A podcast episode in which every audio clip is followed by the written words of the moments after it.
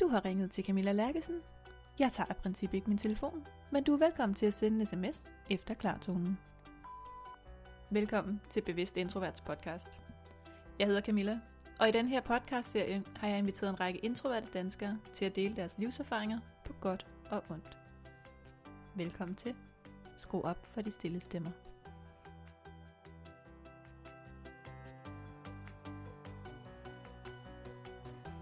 Jeg har glædet mig virkelig meget til at spille det her afsnit for dig med Marie-Louise Breindal, som er ekspert i kærlighedsmønstre og indehaver af Recreate You. Og vi taler om introverte og kærlighed og parforhold, fordi jeg har talt med en del introverte, der synes det der med at være introvert og skulle finde en kæreste, det faktisk kan være ret svært. Når man nu lader bedst op alene derhjemme, og måske ikke går til alle de arrangementer, hvor man kunne møde nogen, eller man synes, at overfladiske dates med small talk og en god tur rundt om søen med hver sin to-go latte, det er ikke lige sagen. Hvad gør man så?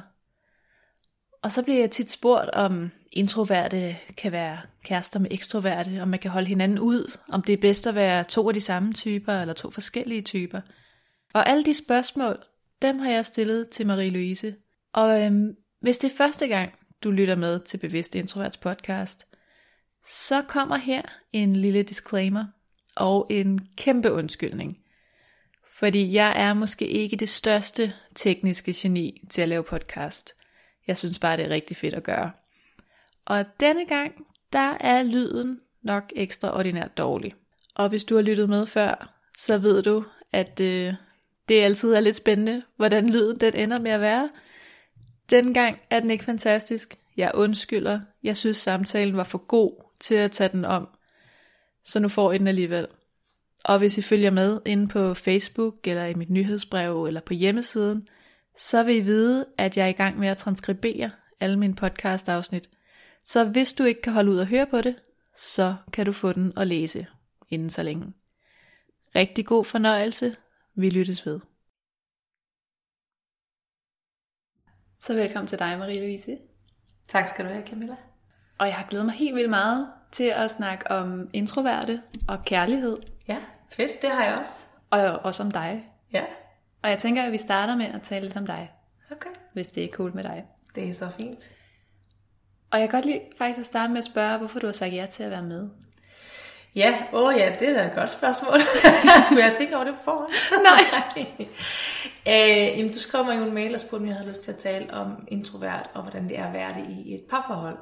Og øh, det har jeg prøvet mange år efterhånden. Jeg har været sammen med min mand i ni år, og øh, der er enormt mange, jeg vil ikke kalde det udfordringer, men der er ting, der skal øh, tales om, øh, justeres en gang imellem, når øh, jeg for eksempel er introvert, mm. og min mand er ekstrovert. Præcis. Så er der forskellige sjove ting, man er op imod nogle gange, og det havde jeg faktisk øh, rigtig meget lyst til at tale om, da du skrev til mig, så jeg synes bare, det var fedt. Tak for det. Ja, selv tak. Og jeg møder jo rigtig mange, der har de her udfordringer. Altså, der er også mange, der kommer og spørger mig, kan man godt være i et forhold med en ekstrovert, hvis man er introvert? Så er ja. godt. Så har vi ligesom fået den på plads. Godt så. så kan jeg også godt lide at starte med at spørge, hvad det der introvert egentlig er for dig. Fordi der er så sindssygt mange opfattelser af, mm. hvad det vil sige, og hvad man kan og ikke kan, når man er introvert. Ja. Så nu sad vi lige og snakkede, inden vi gik i gang. Ja, det gør vi. Altså, og jeg må jo bare sige, jeg elsker at være introvert. Giver det mig nogle gange udfordringer? Ja, ja, det gør det. Men jeg elsker det. Altså, jeg synes nærmest, det er synd, fordi der er ekstrovert, ikke? og hvorfor er det det? Jamen, det er bare fordi, jeg synes, det giver sådan en... Altså for mig, jeg kan jo kun tale for mit eget vedkommende. Jeg synes, det giver enormt meget sådan dybde i mit liv. Mm. At jeg faktisk uh, tillader mig selv at dvæle ved ting og trække mig selv tilbage og mærke mig selv. Altså faktisk at give mig selv et rum alene. Ja. Øh, så jeg synes, det er super lækkert. Altså, jeg vil sige, jeg bruger det også i mit job, fordi jeg elsker bare at sidde og nørde med ting og være lidt i min egen boble. Øh, og så går jeg nogle gange ud i, i livet mm. og øh, gør det, jeg skal gøre, og så går jeg ligesom tilbage igen og øh, samler noget energi, og det kan jeg faktisk virkelig godt lide. Det giver mig enormt meget overskud at tillade mig selv også at være introvert, faktisk. Ja. Og ikke at hele tiden skulle prøve på at være noget andet. Så jeg elsker det. Jeg synes, det giver enormt meget dybde, faktisk. Fantastisk. Ja. Og du er jo selvstændig, ja. så jeg bliver nysgerrig på, sådan, hvad er det, det giver til dig og til din virksomhed, at du kan nørde? Ja. Ja, det er jo et godt spørgsmål. Det burde man jo i virkeligheden spørge mine kunder om, ikke? Men Ja. altså, det giver mig jo... Jeg arbejder derhjemmefra. Altså, mm. og jeg har tit tænkt, ah, skulle, man, altså, skulle man tage og være sådan en, der, der var ude sådan et kontorfællesskab? Det er der jo mange, der er, kan man mm. sige. Og jeg er bare sådan, nej, det skal jeg simpelthen ikke. Det, det ved jeg bare, det kommer til at dræne mig sindssygt meget. Så jeg synes, det er virkelig så dejligt at bare sidde herhjemme og lave mine ting Ja. på min computer. Altså, og, og, altså få lov til at dykke i dybden med det. Og det tror jeg også kommer mine kunder rigtig meget til gode, fordi at jeg, øh, jeg elsker at være grundig. Mm. meget grundig. Øh, jeg laver ingenting i min forretning, der er quick fixes. Fedt. Øh, og det tror jeg faktisk har en stor del at gøre med, med den her tilladte introverthed at gøre, faktisk. Ja. Ja, det kan jeg mærke i hvert fald, at når jeg tillader mig selv at være det, så, øh, så gør det det. Altså giver det dybde. Man Ja. kan så sige, at på den anden side, så er der jo også nogle gange, hvor jeg kommer til at tage for meget arbejde ind. Mm. Øh, og så, øh, så, så crasher jeg rimelig hurtigt. Ja. Øh, og det påvirker selvfølgelig også min forretning, når jeg gør det. Så crasher det hele jo på en eller anden måde. Ikke? Så jeg skal hele tiden have den der balance i, at turde tillade mig selv også at være den, jeg er, i stedet for at prøve at være noget andet faktisk. ja. Ja. Har du altid haft det sådan? Altså at tillade dig selv at være introvert? Nej, det tror jeg egentlig ikke. Altså, mm. det tror jeg ikke. Det er nok noget, der kommer på mine øh, såkaldt gamle dage. nu er jeg 40 år, ikke? Øh, og øh, jeg, jeg, jeg, jeg husker det ikke så specifikt, men jeg er ret sikker på, at da jeg var yngre, så var der sådan en stemning af, at, at det var sådan bedst, nu laver jeg også nogle situationstegn, ikke? Bedst mm. at være øh, udadvendt. Øh, og jeg er ikke sikker på, at det var så øh, i talesat, da jeg var 15, 16, 17, 18 år, at der var noget, der er ekstrovert og introvert. Det tror jeg ikke, egentlig ikke, det var. Nej. Øh, fordi det er trods alt nogle år siden. Øh, men, men jeg kunne godt altid i mine unge dage sådan fornemme, at når jeg var hende der, der øh, ikke gad i byen hele natten, og ikke bare synes, det var det fedeste at give den gas hele natten, altså faktisk havde brug for at vide, hvornår en fest stoppede, for eksempel. Ja. Altså, og sådan har jeg det stadigvæk. Altså, og der var der rigtig mange, der synes, ah, var du også kedelig, og skal du nu hjem igen, og den slags. Ikke? Og det, det tror jeg måske, der er mange introverte, der kender den fornemmelse af, at, at blive stemplet som lidt kedelig. Ja. Øh, nu skal du også hjem igen. Ikke? Men altså, jeg har ligesom lært at acceptere, at når jeg skal til noget, der involverer mange mennesker, og mange mennesker for mig, det er over 10. Ja. Nogle gange over 5 kun. Ja. Ikke? Det er mange mennesker. Øh, når det involverer flere mennesker, end jeg sådan er vant til at være sammen med, jamen så, øh, så har jeg brug for at vide, hvornår det stopper igen. Mm. Altså jeg har brug for at vide, hvornår jeg kan trække mig væk fra det. Og det tror jeg ikke, jeg var så god til, da jeg var yngre, fordi jeg var faktisk bange for at være kedelig. Ja, Jeg præcis. var faktisk bange for den der stempling af at være kedelig, eller uinteressant, eller ikke med, eller, eller noget i den stil. Ikke? Så har jeg altid været så cool? Nej, altså omkring det. Ja. Formentlig ikke nej. Altså, Nej. Jeg, nej, men jeg tror, jeg har været det de sidste, I don't know, 15 år, 10 år. Okay, så hvad gjorde ligesom skiftet for dig?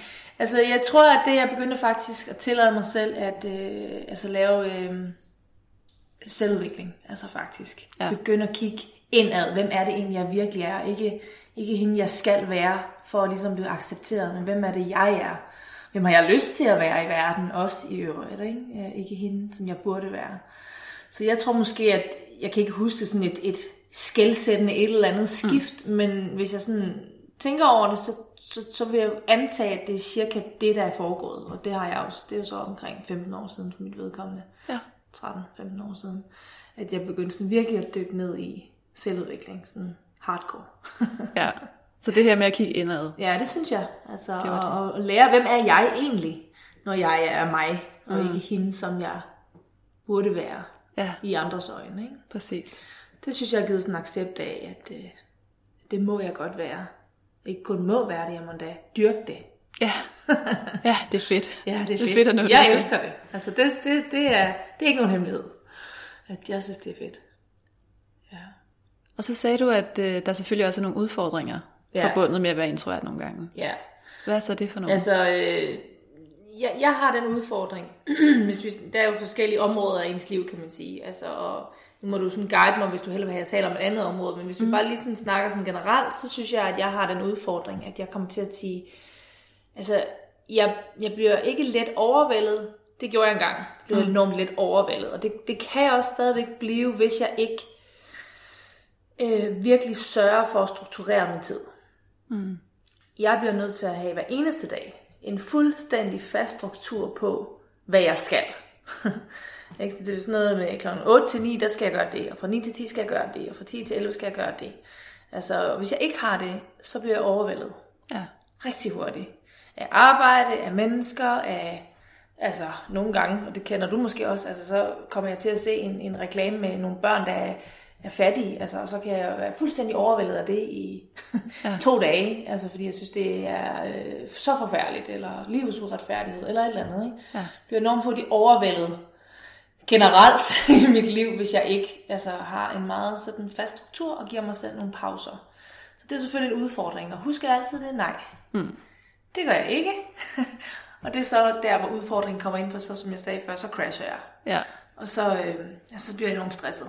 Virkelig Ja. stresset, og det går så ud over de mennesker, jeg er sammen med, her blandt min mand og min familie. ja. Ja. Hvad kan du sådan mærke sådan af de der signaler på, nu er, det, nu er jeg ved at blive lidt stresset eller Ja. overvældet?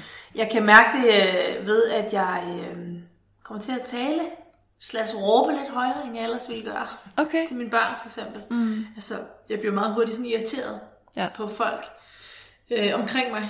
Øh, og hvis de bare lige sådan, du ved, jeg har noget med, at øh, jeg kan ikke holde ud til at høre på folk, der spiser, når jeg bliver meget stresset. Ej, det er sjovt det her også.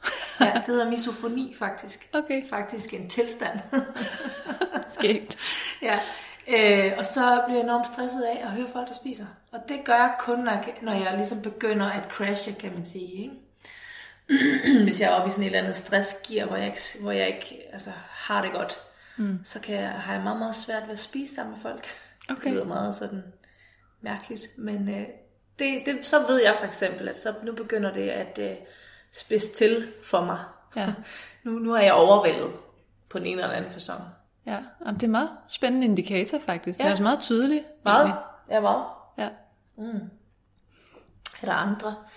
Hmm. Ja, altså jeg bliver, jeg, jeg får et højere toneleje, ikke? Altså jeg bliver, øh, jeg bliver sådan lidt mere øh, surmorsagtig, vil jeg sige, ikke? Altså lidt mere sådan, nu må I lige gøre sådan, og nu skal I holde op, og sådan lidt mere, sådan lidt mere øh, surmorsagtig, vil jeg sige, ikke? ja. Ja. Og hvad gør du så, når du rammer der? Altså, hvad? Ja, nogle gange så fanger jeg den, og nogle gange så gør jeg så ikke. Ikke? Fordi det kan jo også godt være, at jeg har en rimelig pakket kalender, hvilket jeg har øh, en ret stor del af tiden. Mm. Øh, og sådan er det, når man er selvstændig. Det er også, øh, der er også noget med at have et, et, et momentum og et flow i sin forretning. Mm. Altså, øh, så jeg er ikke lige hende, der bare sådan kører øh, 14 dages ferie, fordi jeg lige synes, det er sjovt. Altså, det kunne måske være meget fedt at nå dertil, og det kan også være, at jeg gør det en dag, men øh, jeg sørger for, så vidt muligt, at have en dag om ugen, hvor jeg øh, har øh, enten ingenting mm. at skulle lave i min forretning, eller øh, i hvert fald have en halv dag, hvor jeg ikke skal så meget, hvor jeg også tillader mig selv bare lige at, i hvert fald når det er sådan forår og sommer, gå ud i haven. Jeg har en meget stor køkkenhave, som jeg elsker at gå og fedte lidt rundt i. Og det giver mig sådan en... ah, Så, så det, jeg har brug for at gøre, det er simpelthen at trække stikket lidt. Øhm, Ja. Og øh, det kan jeg selvfølgelig ikke gøre i, i uvis. Øh, Og det gør jeg heller ikke, fordi så overvældet når jeg ikke at blive. Men, øh, men det er noget med faktisk at give mig selv nogle pauser. Ja. Og så gå tidligt i seng og få nok søvn og få ordentlig mad og sådan nogle ting også. Ikke? Sådan Ja. lidt praktiske ting, Ja. som også jo støtter alt muligt andet. Ikke? ja. Ja. Og vi skal også lige høre lidt om, hvad det er, du laver. Ja, Fordi du er ekspert i kærlighedsmønstre. ja. Og hvad, hvad laver sådan en? Ja, egentlig og sådan ikke. ja, altså jeg har jo en forretning, som hedder Recreate You. Og øhm, i den forretning, der arbejder jeg med kærlighedsmønstre, kærlighedskodninger, øh, og hvad det er for nogle altså, øh, uhensigtsmæssige, ubevidste skabeloner, vi ligesom tiltrækker vores øh, kærlighedspartner ud fra. Mm. Øhm, og det er et stort område, kan man sige. Det, jeg arbejder i min forretning hovedsageligt med øh, singlekvinder. I hvert fald 95% af tiden singlekvinder, som har lyst til ligesom at rydde op fuldstændig i deres kærlighedsbagage, inden de går ind i et nyt forhold. Ja. Så vi arbejder sådan set med at øh, rykke roden op på alt det, som ikke spiller, og så plante ny, Okay. øh, kan man sige. Hvordan gør man det? Ja, Ui, ja, skal vi lave en podcast alene om det? ja, det er lidt før. Hvordan gør man det? Altså, der er der ikke noget kort svar på, men, men altså, jeg kalder det at omkode den øh, barndomskodning, du har fået. Altså sådan en struktur, som vi har fået lavet ind i os, ud fra overlevelsesstrategier, frygtscenarier, øh, tryghedsmangel osv. og i vores barndom. Så det er sådan et ret stort område, men øh, altså jeg, har, øh, jeg har meget god erfaring med at kunne gøre det, således at de kvinder, som kommer til mig, de faktisk går ud og tiltrækker noget andet end det, de plejer. Det kunne for eksempel være, at man havde tendens til at tiltrække en mand, som ikke prioriterede en højt. Mm. Så kan vi ligesom omkode den øh, skabelon for at gøre det, kan man sige, så at man ikke behøver at gøre det mere, for det er noget, der sker meget ubevidst. Ja. Så det gør jeg. Og så arbejder jeg nogle gange med nogle, nogle gifte kvinder også, fordi mønstre er jo mønstre, og man har dem også i et, i et forhold. Ja. Kan jeg jo se, fordi det er jeg jo selv. Ja. altså gift, ikke? Øh, så, så det er det, jeg laver mest af tiden, og så kan man sige, så er jeg jo også medstifter af den her festival, Danmarks mm-hmm. største øh, selvudvikling som mental sundhedsfestival, som hedder Free Mind, hvor øh, du jo talt sidste Ja. gang, Camilla, og det var så fedt. ja, det var virkelig et fedt arrangement. Ja, øh, og det, øh, det bruger jeg også ret meget tid på, Ja. at øh, sætte op en gang om året sammen med to andre.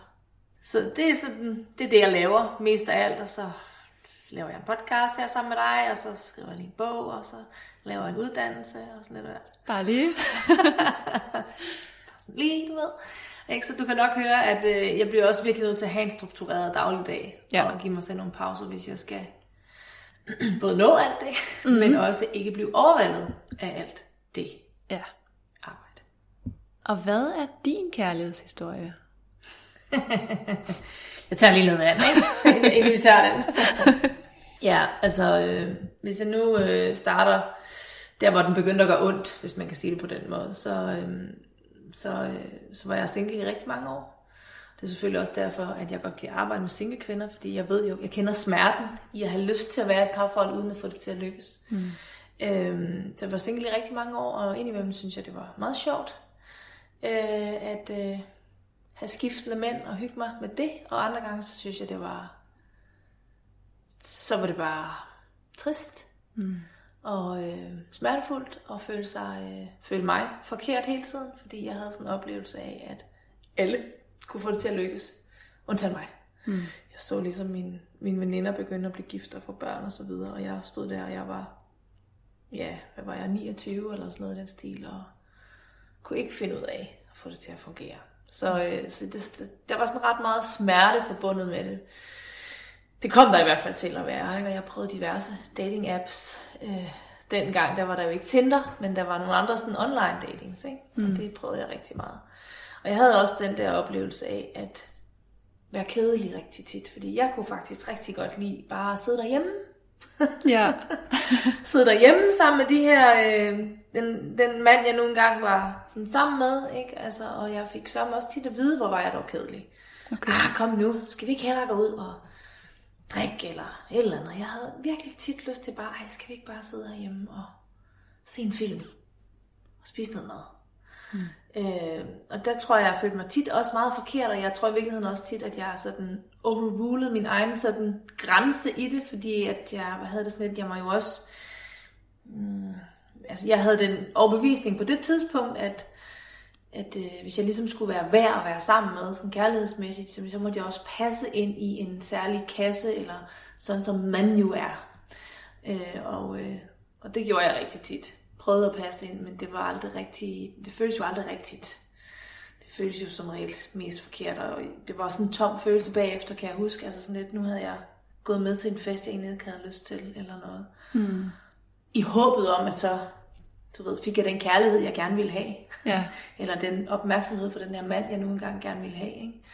Og fik den egentlig ikke rigtig ikke alligevel. Altså, jeg tror, det bundet i, jeg var jo ikke autentisk. Nej, Og præcis. det er enormt svært for folk at øh, altså connecte ægte med en, som ikke er autentisk. Ja. Og det var det jo ikke for mig, at gå til en fest, eller hele tiden skulle ud og lave et eller andet, øh, som jeg egentlig ikke havde lyst til. Så, så der var enormt meget smerte forbundet med det der øh, i, i mange år. Og så der var omkring, nu skal jeg tænke mig, 30? Mm.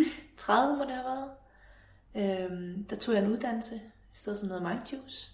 Og øh, der tog jeg en uddannelse, som var en øh, familiecoachuddannelse, og en stor del af den coachinguddannelse var også at øh, rydde op i sin egen sådan barndom.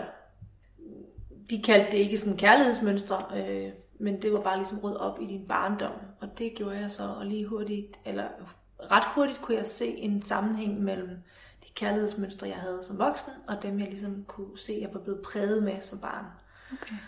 Øh, og det, det, det ruttede jeg sig selv op i, kan man sige, med de forskellige redskaber, jeg nu havde, fordi jeg var uddannet mastercoach i forvejen, mm. så jeg havde nogle redskaber allerede, øh, som jeg så stille og roligt puttede sammen med det, de også gav mig på den anden uddannelse.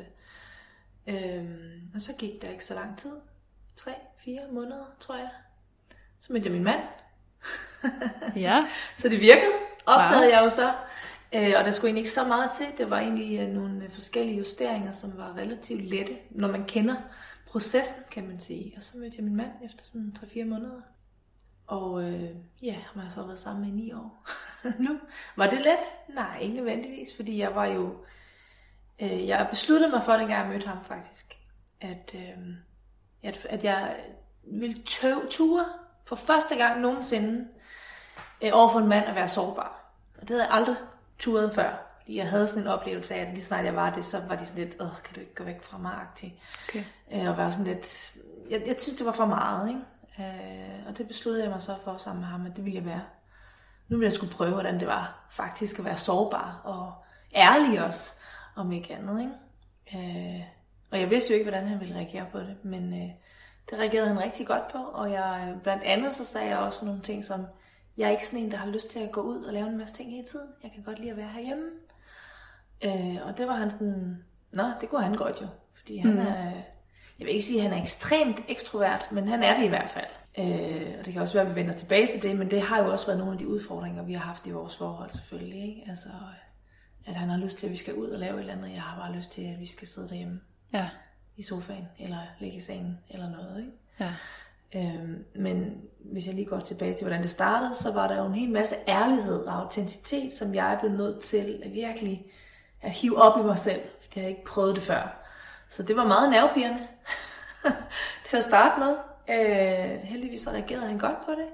Jeg tror jo på, at alle mennesker reagerer godt på autenticitet og ærlighed, uanset hvad næsten det er jo ikke det samme som, at de så har lyst til at være sammen med dig, fordi det kan godt være, at det ikke matcher det, de vil have. Mm. Men for ens eget vedkommende, så er det fandme fedt, ja. at faktisk turde stå ved, hvem man er. Eller ja. hvem jeg er, eller hvem vi er. ikke? Fordi det, det giver bare sådan en connection mellem mennesker, som jo er helt anderledes, end når vi spiller et spil, eller lader som om. Ikke? Jo, og det er der vel også meget af, når man dater. Oh yes. Altså det kan jeg da både kende fra, fra mig selv, ja. og fra mange, jeg har talt med. Ja, der er enormt ja. meget af det, ikke? Hvad kan man tillade sig at sige, og det er lidt for tidligt? Og... Ja, ja. det er sådan en af mine ret store kæpheste, du rammer ind i der, ikke? Ja. Der er skrevet en blog om det, og en klumme om det, og alt muligt, fordi øhm, der er næsten ikke den kvinde, der ikke kommer til mig og siger, hvornår må jeg skrive det? Mm. Og hvad skal jeg skrive for, at han vil have mig ja. i mine sms'er? Og hvornår kan jeg tillade mig at svare, og alt det der. Ikke? Mm. Og det kan godt være, at vi kommer lidt off topic nu, og topic nu, det ved jeg ikke, men det er trods alt, altså jeg har det meget svært med det, fordi jeg ved godt, der var, altså der er, og jeg kan huske min egen søster, hun sagde til mig, dengang jeg mødte Thomas, altså min mand, at øh, husk nu at spille sov, eller ej, husk, husk nu at spille kostbar, sagde hun til mig. Mm. Så jeg var sådan, spille kostbar, hvad betyder det overhovedet? Altså, Jamen det er sådan noget med, at du skal ikke kysse på første date, og ikke noget med sex før efter femte date, og alt muligt. Husk at spille kostbar, ellers vil han ikke have dig.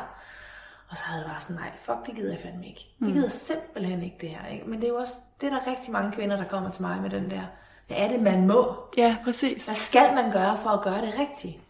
Ikke? Og jeg har det jo sådan, det eneste du skal gøre, for faktisk at tiltrække noget, der matcher dig, sådan det ægte dig, mm. det er at være ærlig. Ja om, hvad du har brug for, hvad du, hvilke behov du har, hvem du er, og hvad du kan lide at lave. Altså, hvad, hvad, hvad, hvad, er, det, hvad er det, du er? Ja. Det er først der, vi rent faktisk kan, kan få en dyb connection med folk. Og det, det, det, det gælder også, synes jeg, det er min mening det her, og min erfaring også, ikke? Det gælder også, hvornår skal jeg svare på en sms? Mm. Hvornår skal jeg skrive hvad? Ikke? Altså, der er selvfølgelig modifikationer. Behøver du at sidde på den allerførste date og, øh, og, og vise øh, din date, den brudkjole, du har købt til jeres frem, forestående bryllup. Øh, nej, det er måske knap så god en idé, ikke? Men, men hvis du har nogle følelser for en, så øh, er jeg totalt all for at øh, sige det. Det er noget af det modigste, man kan gøre, synes jeg. Ja. Det er jo at stå ved, hvordan man har det. Også uanfægtet af, hvordan den anden ligesom har det. Ja. Øhm, og jeg kan huske, dengang jeg sagde til Thomas, at, øh, at jeg gerne ville ham. Altså jeg var faktisk ikke sikker på, om hvordan han ville reagere på det, fordi der var mange ting i spil, men øh, faktisk så tur at sige til ham, ved du hvad, jeg vil gerne have dig, og jeg står her. Jeg står ikke og venter på dig, men jeg står her, og jeg vil gerne have dig. Så var jeg sådan helt holdt da fast. Så, så er alle spillene ligesom væk, ikke? Ja. Og, øh, og det skaber bare sådan en helt særlig tæthed, synes jeg.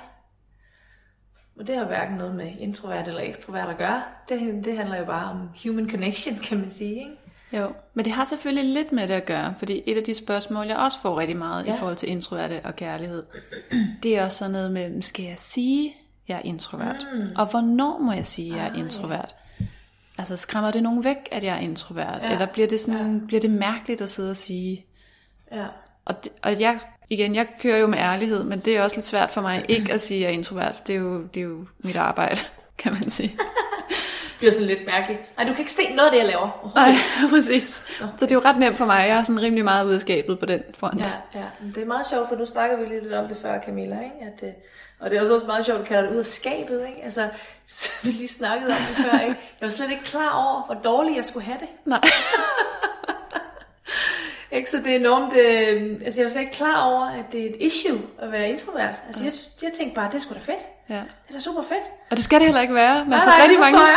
så er det et issue Ja, at være ja. introvert. Ja, men det er jo, og det, altså, jeg vil bare sige helt ærligt, kom bag på mig, mm. faktisk, da du sagde det til mig, nu har jeg endnu startet, fordi at, øh, jeg ser nærmest kun fordele i det.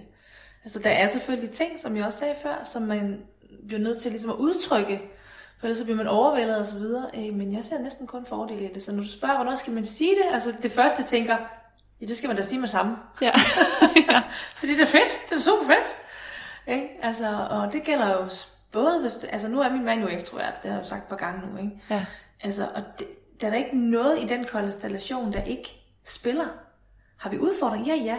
Jeg vil sige, rigtig tit, så nu her, øh, så er min mand inspireret af det. Fedt. Han synes, det er fedt. Han er glad for, at jeg nogle gange siger, ej, skal vi ikke bare, ej, jeg har virkelig brug for, at vi bare er hjemme, bare dig og mig. Mm. Han er glad for, at jeg hiver ham derhen nogle gange faktisk. Ikke? Så jeg synes, det er, altså, jeg synes jo, det er en gave, at kunne være introvert i et parforhold. Ikke? Fordi jeg tror faktisk, hvis du er sammen med en, som ikke er det, også vil synes, det er en gave. Ja. Så hvordan er det, I supplerer hinanden? Jamen, han hiver jo så også mig lidt mere ud, end jeg måske ellers ville være kommet, ikke? Jo. det gør han vel. Det er formentlig. Når han får lov, ikke? Mm. Altså, fordi jeg synes jo stadigvæk også, det er vigtigt, at jeg... Øh, altså, jeg, jeg vil gerne sige nej til noget en gang imellem også, ikke? Øh, og nogle gange irriterer det ham også, ikke? Når han siger, skal vi ikke til den her koncert? Og jeg er sådan, øh, det synes jeg ikke. Ja. Jeg vil hellere være derhjemme. Ikke? Det synes han også er lidt irriterende. Ikke? Men altså, øh, de fleste gange, der synes jeg, det er fedt, når han tager mig ud og inspirerer mig og til at være ude blandt folk. Jeg bryder mig ikke specielt meget om small talk heller. Faktisk hader jeg det Ja. rigtig meget. Men nogle gange så er han sådan lidt, kom nu tager vi til det her, og så kan du networke med nogen, eller nu, nu kan du snakke med nogen, som du ellers aldrig vil snakke med. Og jeg synes faktisk, det er fedt, når vi så er der. Jeg har brug for at vide, hvornår jeg er færdig med det. Mm. Men jeg synes, det er fedt, når vi er der. Øhm, og det gør han jo, og det er jeg ikke sikker på, at jeg ville have kommet på samme måde, hvis han ikke havde gjort det. Øh, nu ved jeg jo ikke rigtig, hvordan andre sådan introverte har det med familie, men jeg synes også, at familiesammenkomster er ret øh, stram, stramme. Det ved jeg, der er rigtig mange, der synes. Ja, det synes jeg også. Øhm, altså faktisk, hvis det stod til mig, jeg må håbe, min familie ikke hører det her, men så skulle jeg bare kun se dem en gang eller to om året. Mm. Ikke fordi jeg kan lide det, ikke fordi jeg ikke holder af den, men det er meget stramt for mig faktisk at være sammen med familie Ja. i lang tid ad gangen. Og øh, min mand han er sådan en, der elsker at være sammen med familie, ikke? Så øh, jeg tror, min mor er rigtig glad for ham. så ser hun både mig og mine børn flere gange om året, hun ellers ville, formentlig, ikke? Ja.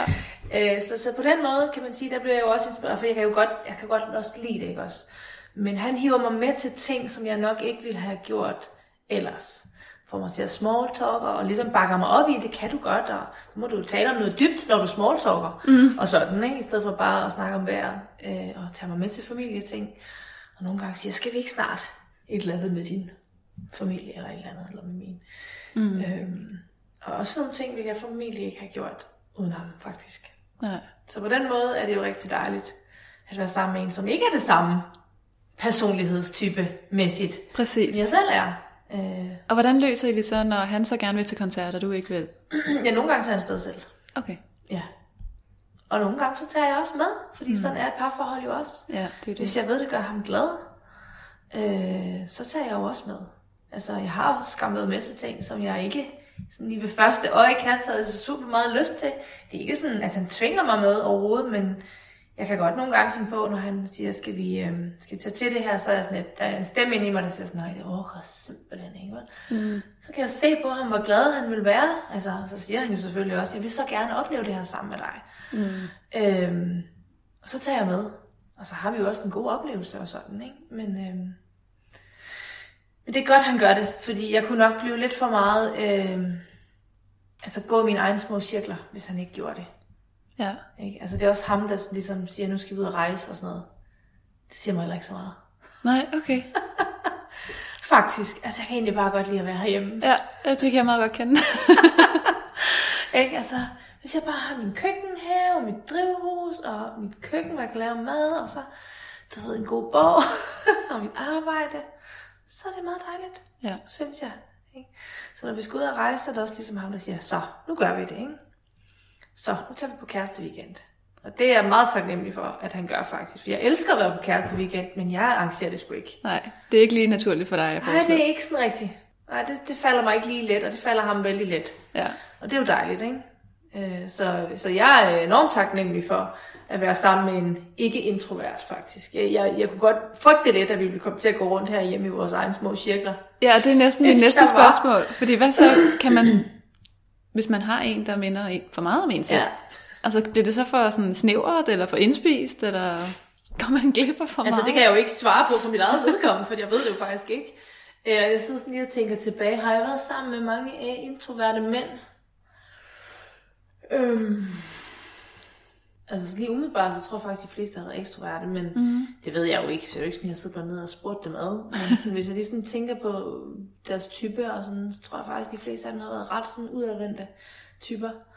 Altså, jeg har lidt svært ved at svare på det for mit eget vedkommende, men jeg snakker jo med kvinder, som har nogle erfaringer med det, ikke? Altså, der er jo, altså, fordi det skal jo ikke forveksles, introvert skal jo ikke forveksles med, at vi ikke har lyst til at opleve noget. Nej, det er det. At vi ikke har lyst til, at der skal ske noget.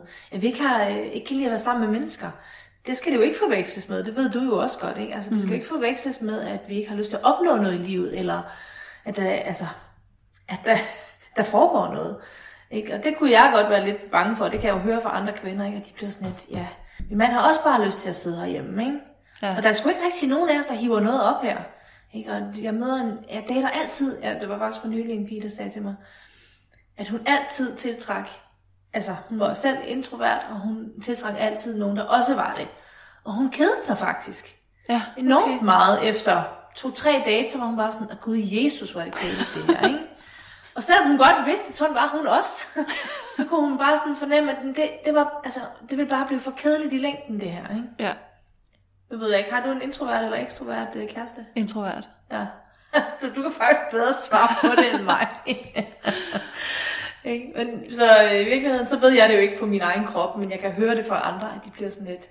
De skal i hvert fald bruge noget energi på at hive det op, hvis de skal noget, kan jeg høre. Ikke? Altså, og mange Jo. siger, at det bliver kedeligt. Ja. Altså, nu skal jeg no judgment og sådan, ikke? Men det kan du sikkert bedre svare på. Keder du dig? Ikke endnu. Nej. Vi har også kun været sammen fire måneder. Ja, okay. Godt så. Så nu må vi se. må du se, ikke? Ja, men jeg tænker, på- jeg tænker sådan rent, øh, at, altså sådan, hvis jeg bare skal gennemtænke, så tænker jeg, at det kræver jo en indsats. Lige så vel som hvis man er sammen to ekstroverte. Ja, Så kræver det jo også en indsats at faktisk overhovedet altså connecte mm. hjemme, eller hvad man skal sige. Ikke? Så der er jo ikke, det er jo ikke, der er jo ingenting, der er udfordringsløst. Altså det er bare nogle andre udfordringer, Ja. man har formentlig. Ikke? Ja, præcis. Ja. Det kan jeg ikke sige så meget mere til, tror jeg ikke. For jeg ved det ikke jo. Nej, nej, nej. Nej, jeg ved som, som et heller ikke. Jeg, jeg keder mig ikke umiddelbart. Nej. Jeg tror altid, jeg har fundet sådan relativt introverte kærester, som har været mere ekstroverte end mig. Okay, For jeg kan godt lide, at der er en, der sådan kan tage mig lidt under vingerne, når vi Ja. skal noget. præcis. Tak, Thomas. Ja, en, der lige kan, kan stå for at sætte samtaler i gang. Og, Ja, men som også forstår, at jeg ikke synes, det er fedt. Ja. Det kan jeg godt lide. ja, Jeg kan godt lide at have en, der tænker, at jeg har det på samme måde. ja.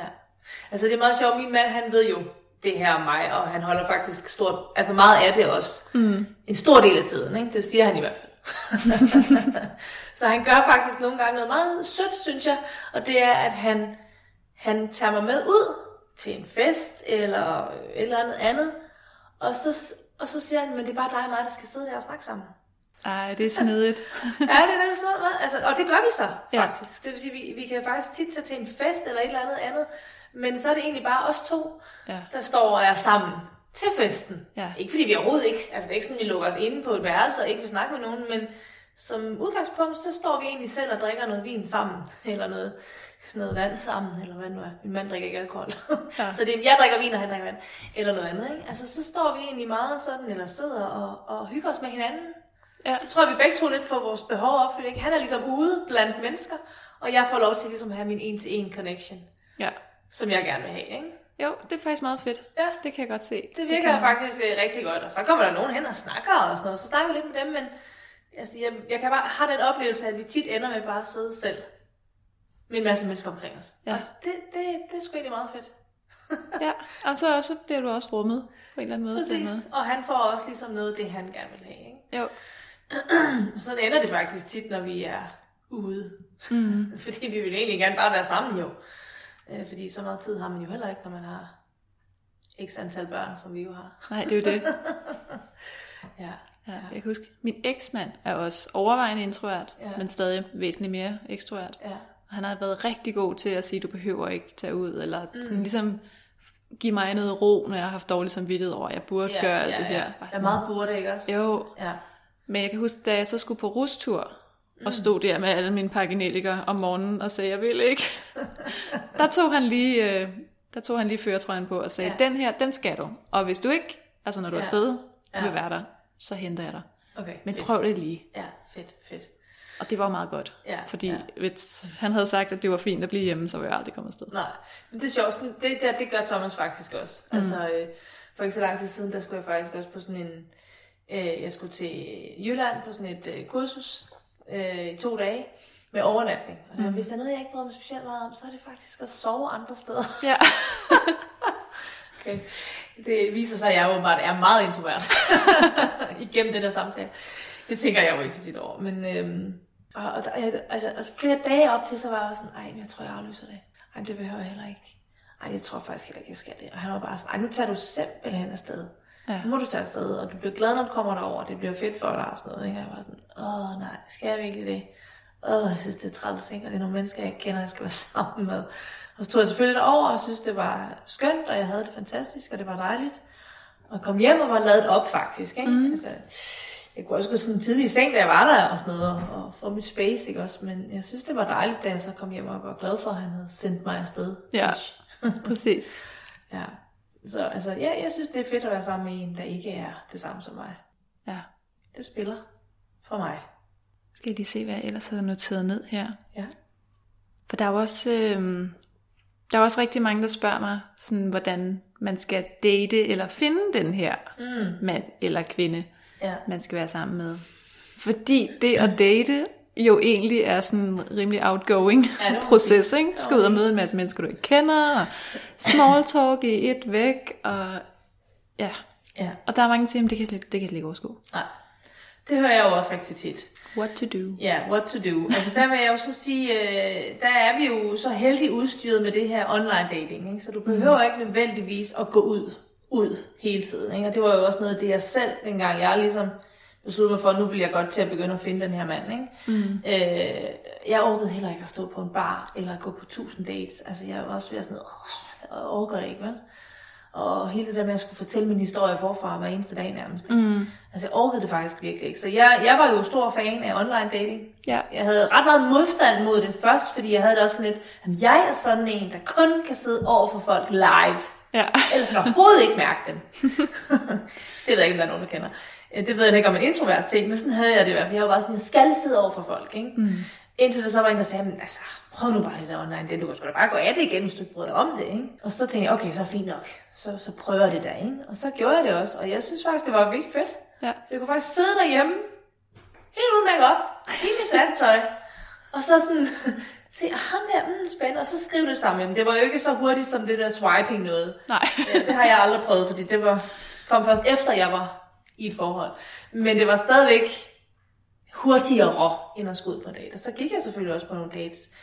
Øh, men på det tidspunkt tror jeg også, jeg kendte mig selv godt nok til, at, øh, at jeg for det første aldrig arrangerede dates, som ville være lang tid. Altså Mhm. det var ikke sådan noget med, skal vi spise middag? Altså det var sådan noget med, gå en tur.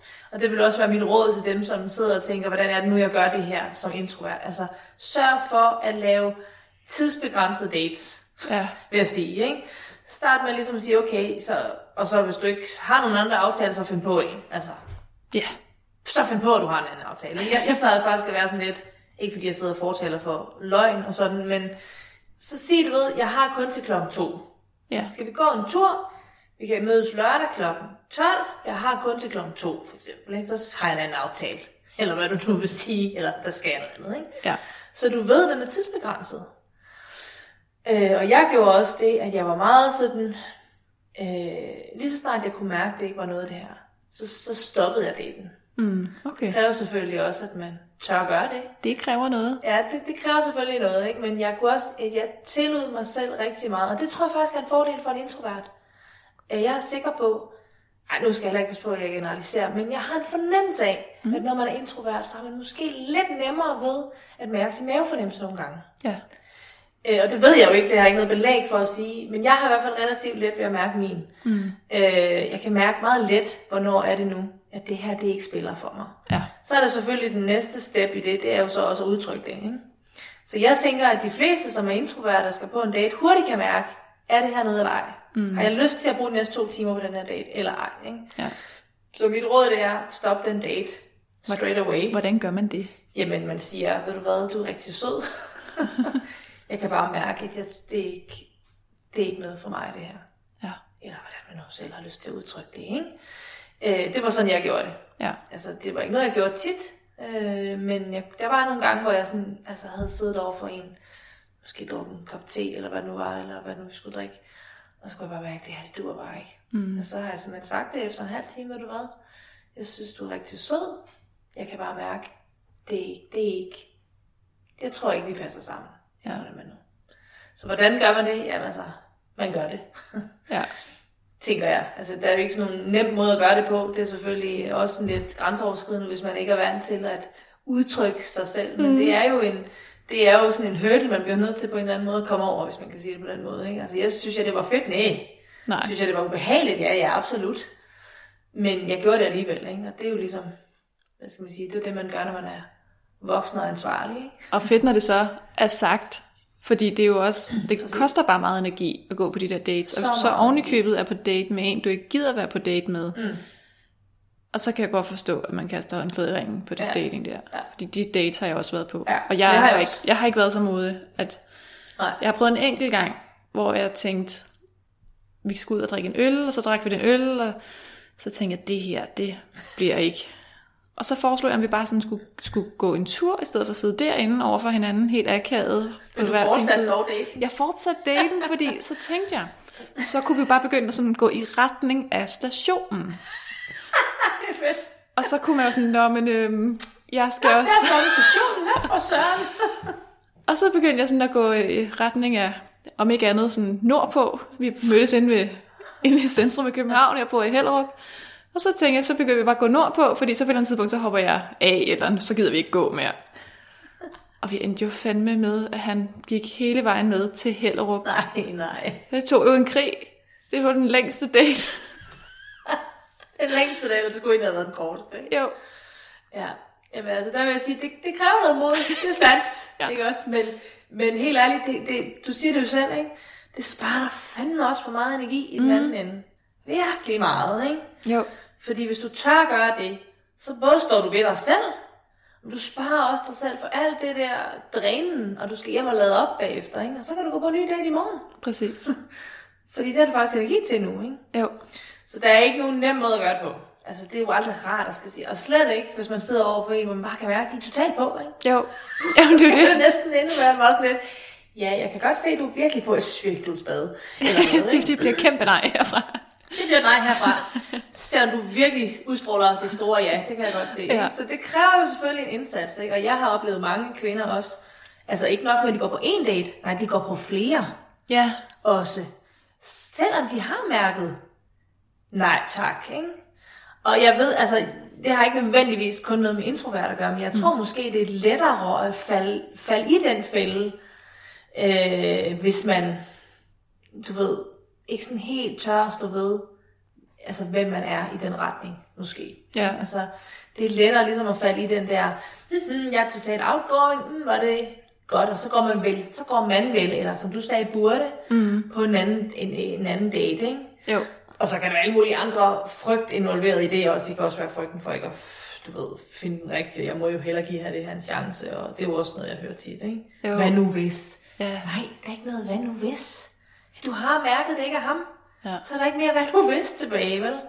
Og det er der faktisk rigtig mange, der overruler også. Hvad nu hvis, ikke? Altså mest af alt ud af den der frygt for ikke at finde den rigtige. Ja, og det har jeg faktisk også noteret ned som et spørgsmål. Ja. Hvornår ved man, at man er sammen med den rigtige? Ja, altså det er jo, hvad kan man sige, det er jo lidt svært sådan all-around spørgsmål at svare på, ikke? fordi jeg kan godt fortælle, hvordan det vil være for mig, og du kan også fortælle, hvordan det føles hos dig, ikke? og det er jo meget individuelt, hvordan man ved det, ikke? Mm. men som hovedregel, og det her, det lyder nok lidt mærkeligt, ikke? Så, øhm, så ved du det, når du rammer en, hvor du ikke er hovedkulsforelsket. Okay. det lyder meget mærkeligt. Det tror jeg, du skal ud Det til. skal jeg lige sige lidt om. Okay. Så øh, den måde, jeg arbejder på, der arbejder med at finde frem til, hvad er din kærlighedskodning. Mm. Og din kærlighedskodning, den udspringer af din største smerte, da du var barn. Øh, og så udspringer den også af den, hvis kærlighed du længtes mest efter, da du var barn. Det kunne være din mor, det kunne være din far, det kunne også være din mormor og morfar, hvis du er vokset op der. Det er ikke så afgørende, at det er din mor eller far, det kunne være alt muligt andet også. Øhm, og, og den smerte, som den længsel efter kærlighed har forvoldt dig, har skabt et sorg i dig, og det sorg har så også skabt et mønster på, hvordan, nu laver jeg situationstegn, ægte mm. kærlighed skal se ud for dit vedkommende. Som regel noget, som ikke er skide hensigtsmæssigt for dig. Det kan være for eksempel, at du øh, havde en mor, da du var barn, som var enormt meget væk øh, på sit arbejde, eller fordi hun var syg, eller et eller andet andet. Øh, og du der har fået sådan en, en, en kodning på, at ægte kærlighed, det er der, hvor du bliver underprioriteret. Mm. Det er bare et eksempel, ikke? Jo. Så du har fået sådan en fornemmelse eller en oplevelse af, at når jeg nu her som voksen, ubevidst selvfølgelig, skal finde en mand, øh, eller en kvinde, for den sags skyld, øh, jamen så er det meget vigtigt, at det er en, der giver mig den samme følelse. Nemlig, at jeg er underprioriteret.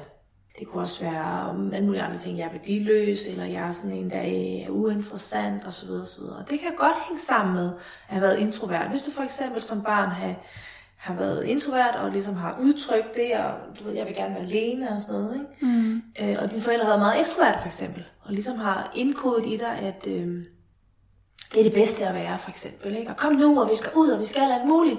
Fordi mm. det, er- det er bare super fedt, fordi det elskede de. Ja. Og fred være med det, det elskede de så, ikke også? Men det gjorde du ikke. Og så kan du måske have fået skabt en overbevisning, eller en sandhed om dig selv, at du, jeg skal nok komme til, hvad det er, jeg mener med det der ikke forelsket. Mm. den der sandhed om, at du er kedelig, for eksempel. Ja. Det har du måske fået skabt allerede der. Så, så det kan det både være, at ægte kærlighed, det er der, hvor du skal føle dig kedelig, mm. men også der, hvor du er øh, underprioriteret. Ja. Det kan være mange andre forskellige ting. Det er jo individuelt. Også derfor, jeg siger, hvordan føles kærlighed. Det, altså, det er jo individuelt. Ikke? Ja. Øh, det, der så sker, når du bliver voksen, hvis vi lige springer 20 år frem i tiden aktivt, mm. øh, det er, at når du så møder en mand, kvinde, som matcher det virkelig hardcore, 100%, ikke? Som virkelig, virkelig, virkelig, ikke ved første øjekast selvfølgelig, men sådan along the road, ikke? kan give dig en følelse af at være øh, uinteressant eller øh, underprioriteret. Mm. Så vil du blive mega forelsket. Det er det i hvert fald det, vi kalder forelsket, ikke? Ja. Fordi du vil ramme plet i dit eget sorg. Og så får du hele den der, jeg kan ikke leve uden der følelsen. Ja. Og det er tit det, vi, altså forveksler med at være forelsket. Fordi det er jo sådan, det ser ud i film også, og så videre. Ikke? Så kan man jo nærmest ikke leve med hinanden. Uh, og I over kærlighed ved første blik og den slags. Ikke? Altså jeg vil sige, at kærlighed ved første blik er rigtig tit, at du rammer plet i dit sorg. Okay. Kan man være i sådan et parforhold? Ja, ja, det kan man sagtens. Det kræver enormt meget bevidsthed, fordi så man kommer mm. til at trick hinanden sorg rigtig meget. Fordi Ja. hvis han er lige så forelsket i dig, så har han ramt sit sorg i dig. ikke? Det kræver enormt stor bevidsthed faktisk. Fordi at, øh, så, så vil I trick hinanden i ekstrem grad hele tiden. Ikke? Så altså, den, det vi kalder for stormende forelsket, det kalder jeg for øh, på heroin.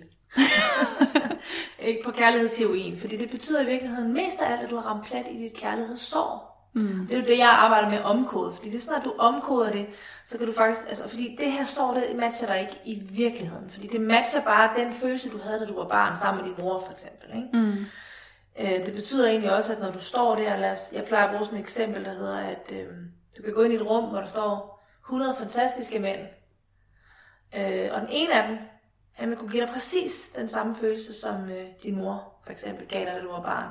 Og de 99 andre, de vil kunne give dig præcis den følelse, som du bevidst gerne vil have.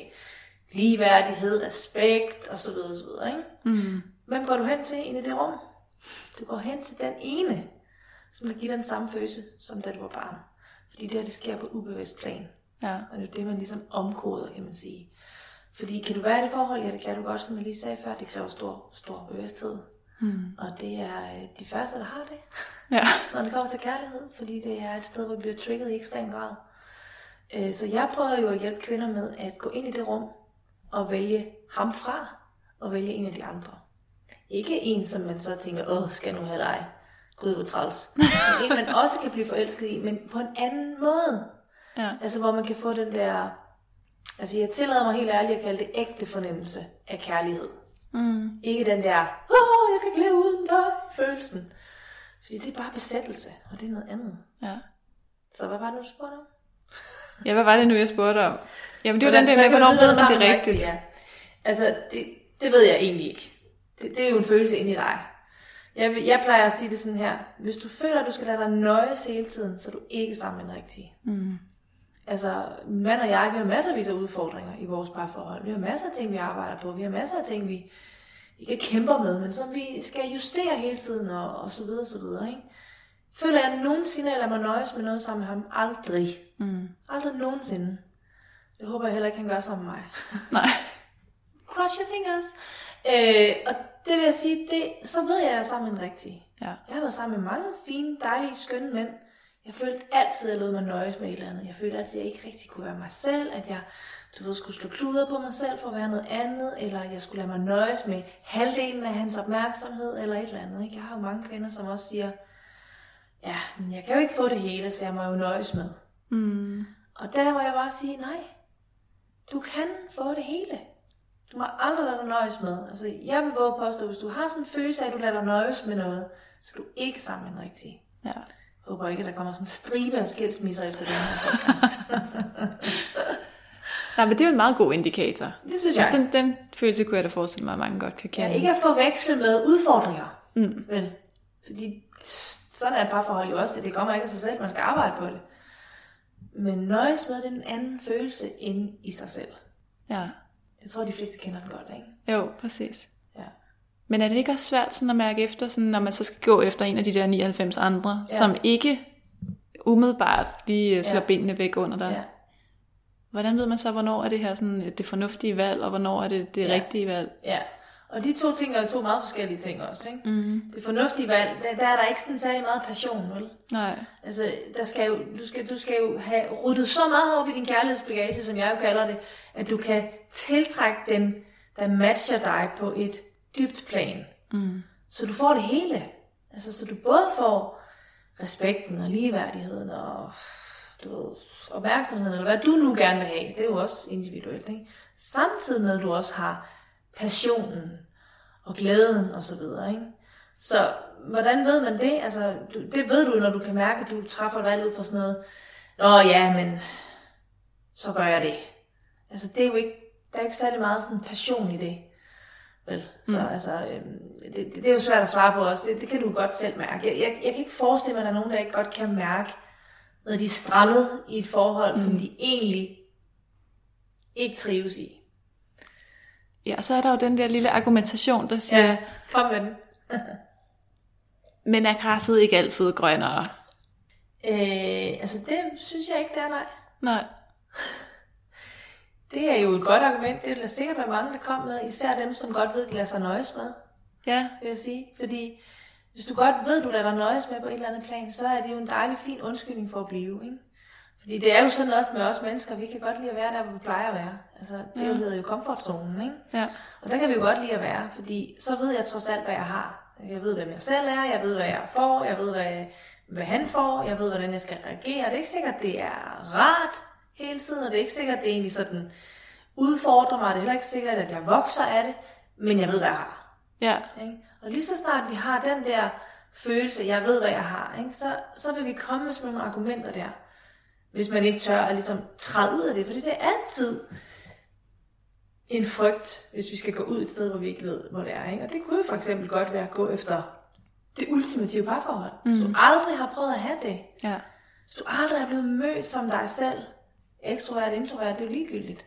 Men hvis du aldrig er blevet mødt som dig, aldrig har haft ligeværdigheden, hvis du aldrig har matchet på et dybt plan og haft den der dyb connection, så ved du ikke, hvad det er. Og det kan faktisk godt virke skræmmende at gå derhen, hvis du ikke for det første ikke engang ved, hvordan du skal komme derhen. Mm. Øh, men også, at du øh, er blevet lullet lidt øh, i søvn i der, hvor du er, fordi det er trygt ja, at være der, hvor vi plejer. Ikke? Og så vil jeg sige, så kommer sådan nogle, altså jeg tillader mig simpelthen at kalde det undskyldninger for ikke Ja. at gå. Ikke? ja. Græsset er altid grønnere, ikke? Ja, jamen det kan jeg bare sådan genkende i hvert Ja. fald i mine samtaler med veninder gennem Ja. tiden, hvor vi har været sådan, ja ja, men Ja, ja, men. er det ikke, ja, Er det ikke altid sådan? kommer der ikke altid tidspunkt, hvor man tænker, ja, det kunne have været perfekt, der er ikke noget, der er perfekt. Jamen det kommer lidt, jo, altså der er jo noget om det, ikke også? Det kommer jo selvfølgelig an på, om man har drømmen om det perfekte forhold. Altså, og med perfekt, så mener jeg, at du ved, der hvor man aldrig nogensinde har en konflikt. Mm. Aldrig nogensinde skændes om noget. Altid vil det samme. Og så videre, og så videre. Ikke? Hvis det er det, man ligesom ser som perfekt, altså filmudgaven af et parforhold, kan man sige, ikke? Mm. i hvert fald mange films udgave, jamen hvis med det, man ser, jo, så, så kan man sige, den når du aldrig nogensinde hen, og så kan det godt være, at græsset er altid grønnere, vil være en meget god mm. sætning at sige til dig selv, så du ikke ligesom, hvad skal vi kalde det, øh, altså hele tiden længes efter noget, som ikke findes i virkeligheden. Mm. Altså, det kan jo selvfølgelig godt være, at det forhold findes i virkeligheden, det tør jeg selvfølgelig ikke sige fuldstændig, vel? Altså, øh, men øh, at, gå efter det perfekte, mm, det, det tror jeg ikke, der er nogen, der nogensinde kommer til. Nej, Hvis der er nogen, der har prøvet det, så kan de jo, så hører vi gerne så fra hører vi gerne fra dem, jo. og høre, hvordan de har gjort det. altså, jeg tror ikke, man skal forveksle, græsset altid grønnere med ingen udfordringer. Ingen... Mm. Altså, fordi hvis det er det, man går efter, så er græsset jo altid grønnere, ikke? Det er klart. Ja, Men så, hvis det bliver en und, altså der er, ud, der er forskellige variationer af det der græsset er grønnere, synes jeg. Hvis det bliver en undskyldning for ikke at gå, Ja. så synes jeg, det er en dårlig græsset grønnere. ja, Hvis det er en, hvis det er en, en, en god øh, forklaring på, hvorfor du ikke skal længes efter noget, der ikke findes, mm. græsset er altid grønnere, så er det måske meget god, ikke? ja. Det er det mening? Ja, det giver mening. Så hvis vi sådan skal prøve at koble det lidt, nu har vi snakket om mange sådan helt generelle Ja. kærlighedsdilemmaer. Ja, ja. Så hvis vi sådan skal slutte en krølle op omkring det der introverte, Ja. hvordan, hvis man nu er lidt udfordret, mm. altså det ved, det ved jeg, at der er nogen, der er. Jeg tænker, det er mest tænkt til dem. Ja. Hvis man er lidt udfordret på at skulle ud og date, eller mm. måske har et mønster, der siger, jamen, jeg har boet alene altid, eller Ja. jeg kan godt lide at bo alene, eller mm. hvordan skulle jeg nogensinde finde en at dele så meget med, for jeg er et Ja. privat menneske. Ja, ja, Der ligger garanteret også nogle mønstre og nogle kodninger ja. bag sådan nogle overbevisninger. Absolut, det gør der jo. Altså, og der er jo mange, der er jo mange facetter af det, du spørger om, ikke? For det ligger selvfølgelig nogle... Altså, så, så, så, så er det svært at svare generelt også, ikke? Men, Jo, det er det. Altså, der ligger selvfølgelig nogle barndomskodninger i det også, ikke? Der kan mm. sagtens være... Jeg har mødt mange single kvinder, som bliver ved med at insistere på at være singler, ud fra frygten for... Altså for ikke at gå ind i frygten for at være ikke god nok, for eksempel. Mm. Altså hold frygten på afstand, fordi det er trods alt lettere at være god nok, når man bare er selv Ja, end hvis man står over for en, som man kan blive afvist af. ja, Ikke? Så der kan både være noget frygt forbundet med at gå ud og gå på en date, fordi så risikerer du jo, Jeg blev afvist. Og det kunne ramme noget i dig, kan man sige. Ikke? Ja. Øhm, så, så mm, en anden ting, som jeg selv oplevede rigtig meget, dengang jeg jo så mødte min mand, øh, og vi ligesom besluttede os for, at det er et-agtigt, ikke? og vi skulle flytte sammen. Altså der havde vi mange snakke om, at jeg havde brug for at kunne trække mig. Mm. Altså jeg sagde simpelthen til ham, det, det er fint, og på det tidspunkt havde jeg ikke boet sammen med en mand i, siden jeg var 21 eller 22 eller sådan noget i den stil. Og jeg var så 31, da jeg mødte ham, ikke? Ja. Øh, jeg havde boet sådan i, jeg havde boet sådan sammen med andre mennesker, men vi havde hver vores værelseaktie. Der var ikke nogen, jeg skulle dele seng med og sådan noget. Mm. Øhm, så jeg sagde til ham, jeg har virkelig brug for, enten at vi sørger for, at der er et helt rum til mig, Øh, sådan helt rum, jeg kan bruge til mit eget space, eller at jeg nogle gange gerne må gå ind i et andet rum. Altså, så ligesom, nu er jeg inde i soveværelset, og så bliver du lige i stuen, tak for det. Ja. Eller omvendt, eller et eller andet, ikke? Øh, så jeg faktisk kunne få lov til at være alene. Og det synes jeg har faktisk fungeret rigtig godt. Så det tænker jeg jo også, det, og jeg, jeg siger det, fordi du siger det der med, at der er mange, der har boet alene i mange år, ikke? og mm. det havde jeg jo også. Ja. Øh, og det hører jeg jo også tit fra kvinder. Jeg Ja. ved slet ikke, om jeg kan det her, fordi hvordan skal jeg lukke en ind i mit liv? Ikke? Og man, man kan sige, jo flere år du har boet alene, jo sværere bliver det måske netop. Ikke? Ja, præcis. altså, øh, og jeg har mødt jo også kvinder, som er 50, som måske har boet alene stort set hele deres liv, men som stadig gerne vil have den her partner at dele sit liv med. Ikke? Altså, man kan jo gøre det på mange forskellige måder. Man kan jo også vælge at have en, en udgave af et parforhold, der hedder, vi bor ikke sammen. Ja. Altså, det kan man jo også godt. Der er jo ikke nogen regler for, hvordan det fungerer, ikke? Øh, altså, for, for vores vedkommende, der var det sådan noget med, jeg må gerne trække mig, øh, hvis jeg har brug for det. Og så er det ikke nogen, der behøver at tage det personligt. Det er bare fordi, at nu ved du, altså min mand, at det har jeg brug for. Og det var han ligesom, det indvildede han i. Ja. Ja, indvildede, det, det lyder så mærkeligt, men det synes jeg var en god idé. Ja. Ikke? Så vi satte, sådan nogle, vi satte ligesom sådan nogle strukturer op omkring, at, øh, at jeg godt kunne få lov til at være alene. Fordi jeg havde enormt meget frygt for at skulle bo sammen med ham faktisk. Fordi jeg var sådan, shit, nu er jeg aldrig nogensinde alene. Det kan jeg simpelthen ikke. Ja, Det præcis. kan jeg simpelthen ikke. Øh, så, så jeg var rigtig bange for, at jeg fik taget min alenetid fra mig, Ja. Faktisk. Øh, og den frygt måtte vi så ligesom adressere og lave en plan omkring det. Ja. Og det fungerer sådan set fint. Og da det så kom til stykket, og det var det jo sjove ved det, så havde jeg ikke lige så meget brug for at være så meget alene, som jeg troede, jeg havde. Vel? Altså, det var mere min frygt for, at det blev taget fra mig. Ja. At jeg mistede min frihed i det, Ja. øh, som, som ligesom lå der. Og det kan, jo, det kan jo være, at det er sådan for andre også, at det egentlig i virkeligheden mest er en frygt på forhånd. Ja. Måske er den ikke så... Måske findes den ikke helt rigtigt, når man så er der i virkeligheden. Altså, jeg, jeg gjorde det faktisk det i mange år. Jeg gik en time tidligere i seng end ham. Okay. Ja. Så, ikke fordi at det var sådan noget med, at jeg sagde, nu må du ikke komme i seng, men han gik bare senere i seng end mig. Og jeg gik tidligt i seng, stort set altid, det gør jeg stadigvæk. Altså, så det er bare dejligt. Så kunne jeg bare ligesom have øh, et værelse for mig selv i en hel time, så kunne jeg ligge og læse eller noget andet, ikke? Helt alene, helt time. Ja. Så der var noget med at få det sagt. Og Ja, få det synes jeg. Altså, for sat det sagt, og praksis det... Altså, det er jo, hvad kan man sige, det er jo mit eget... Det er jo vores eget øh, ansvar, det er jo at få sagt, hvad vi har brug for. Mm. Og det kan jo måske være, hvis vi laver krøllen, det kan jo måske være det, der er udfordringen, øh, som introvert. Det er jo nogle gange måske at få udtrykt, hvad er det egentlig, mit behov er Ja. i, i relationer især, ikke? For det er jo let nok, når man er alene. Ja. Men i relationer, det kræver det, at man siger det højt. Og der er jo desværre ikke så mange, der er tankelæsere. Nej. Så nu er vi faktisk helt tilbage, hvor vi startede, ikke? Ja. I forhold til dating. Ja. Og få sagt det højt. Ja, Sige, hvad der foregår. Sig, hvad der foregår. Vær ærlig. Ja. Og som du sagde, det turde jeg ikke. Nej, men det er jo en, det kan vi træne. Ja. Og ellers så må man jo tage konsekvensen. Ja, så bliver det en lang aften. ja, det må man så. Ikke? Så kan du selv vælge, hvor mange øh, meget lange gåture du vil på. Ja.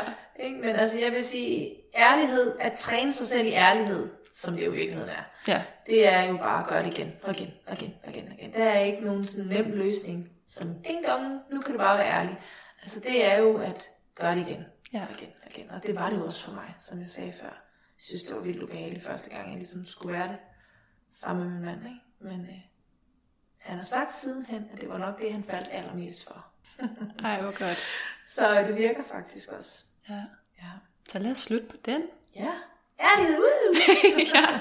Det var det, der virkede. Ja, helt sikkert.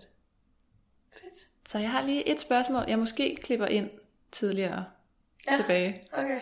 som jeg ikke lige nåede. Ja, Men jeg kunne bare ikke lade være med at tænke, hvis man nu ikke lige sådan kan huske, at man har søgt en forældres kærlighed, eller Ja. har et eller andet mønster, Mm. altså, hvad, det, hvad så? Ja, så kommer man til mig. Ja. Det er sådan det, mest, det er det bedste bud, fordi det er jo det, jeg laver. Ja, Altså, jeg hjælper dig faktisk med at se det. Ja. Øh, Jeg ser det for dig. Altså, du fortæller mig egentlig bare det, du kan huske, og så ser jeg mønstret for dig. ja Og okay. derefter, så hjælper jeg dig med at omkode det. Ja. Altså, det er sådan set... Øh, altså, det kan, du behøver ikke at kunne huske særlig meget, før jeg kan se det. Ja, nej, fordi det tænker jeg, det er en ting, at ja. måske ikke at kunne huske, at der har været mm. en udfordring i barndommen. Mm. Og, en, og en anden ting, det er, jeg sådan, når jeg selv coacher, er folk mm. sådan, "S- skal jeg have haft en dårlig barndom?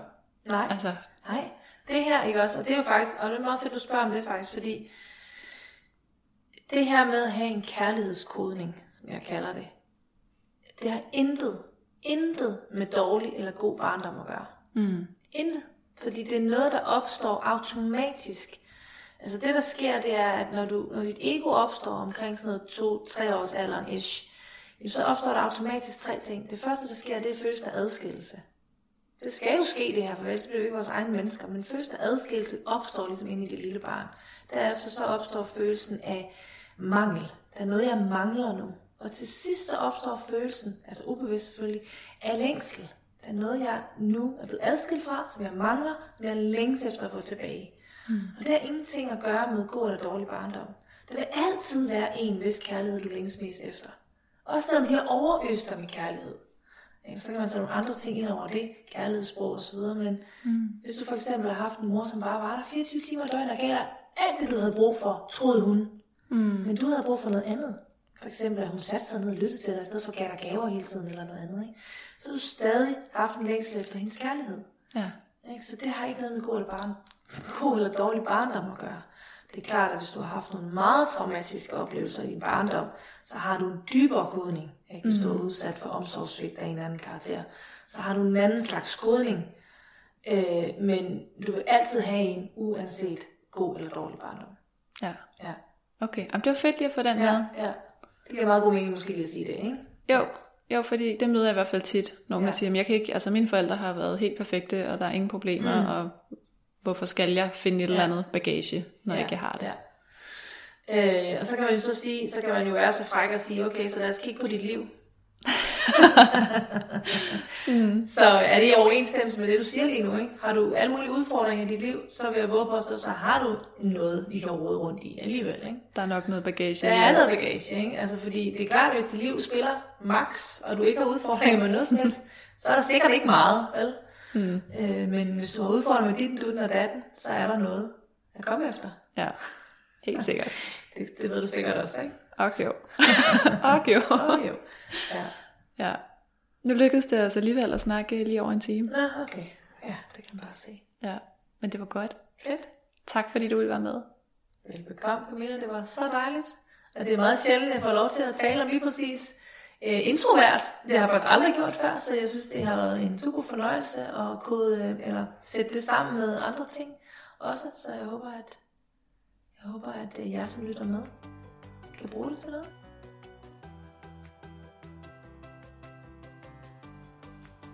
Hvis du lyttede med hele vejen til slutningen, så tusind tak for det. Og øh, til dig, der så stadig er med, så vil jeg gerne lige give det her løfte. Mit nytårsforsæt for 2020, det bliver ingen dårlig lyd. Ja, lidt af et løfte, det er jeg med på. Men nu prøver vi det. Ingen dårlig lyd i 2020. Huh.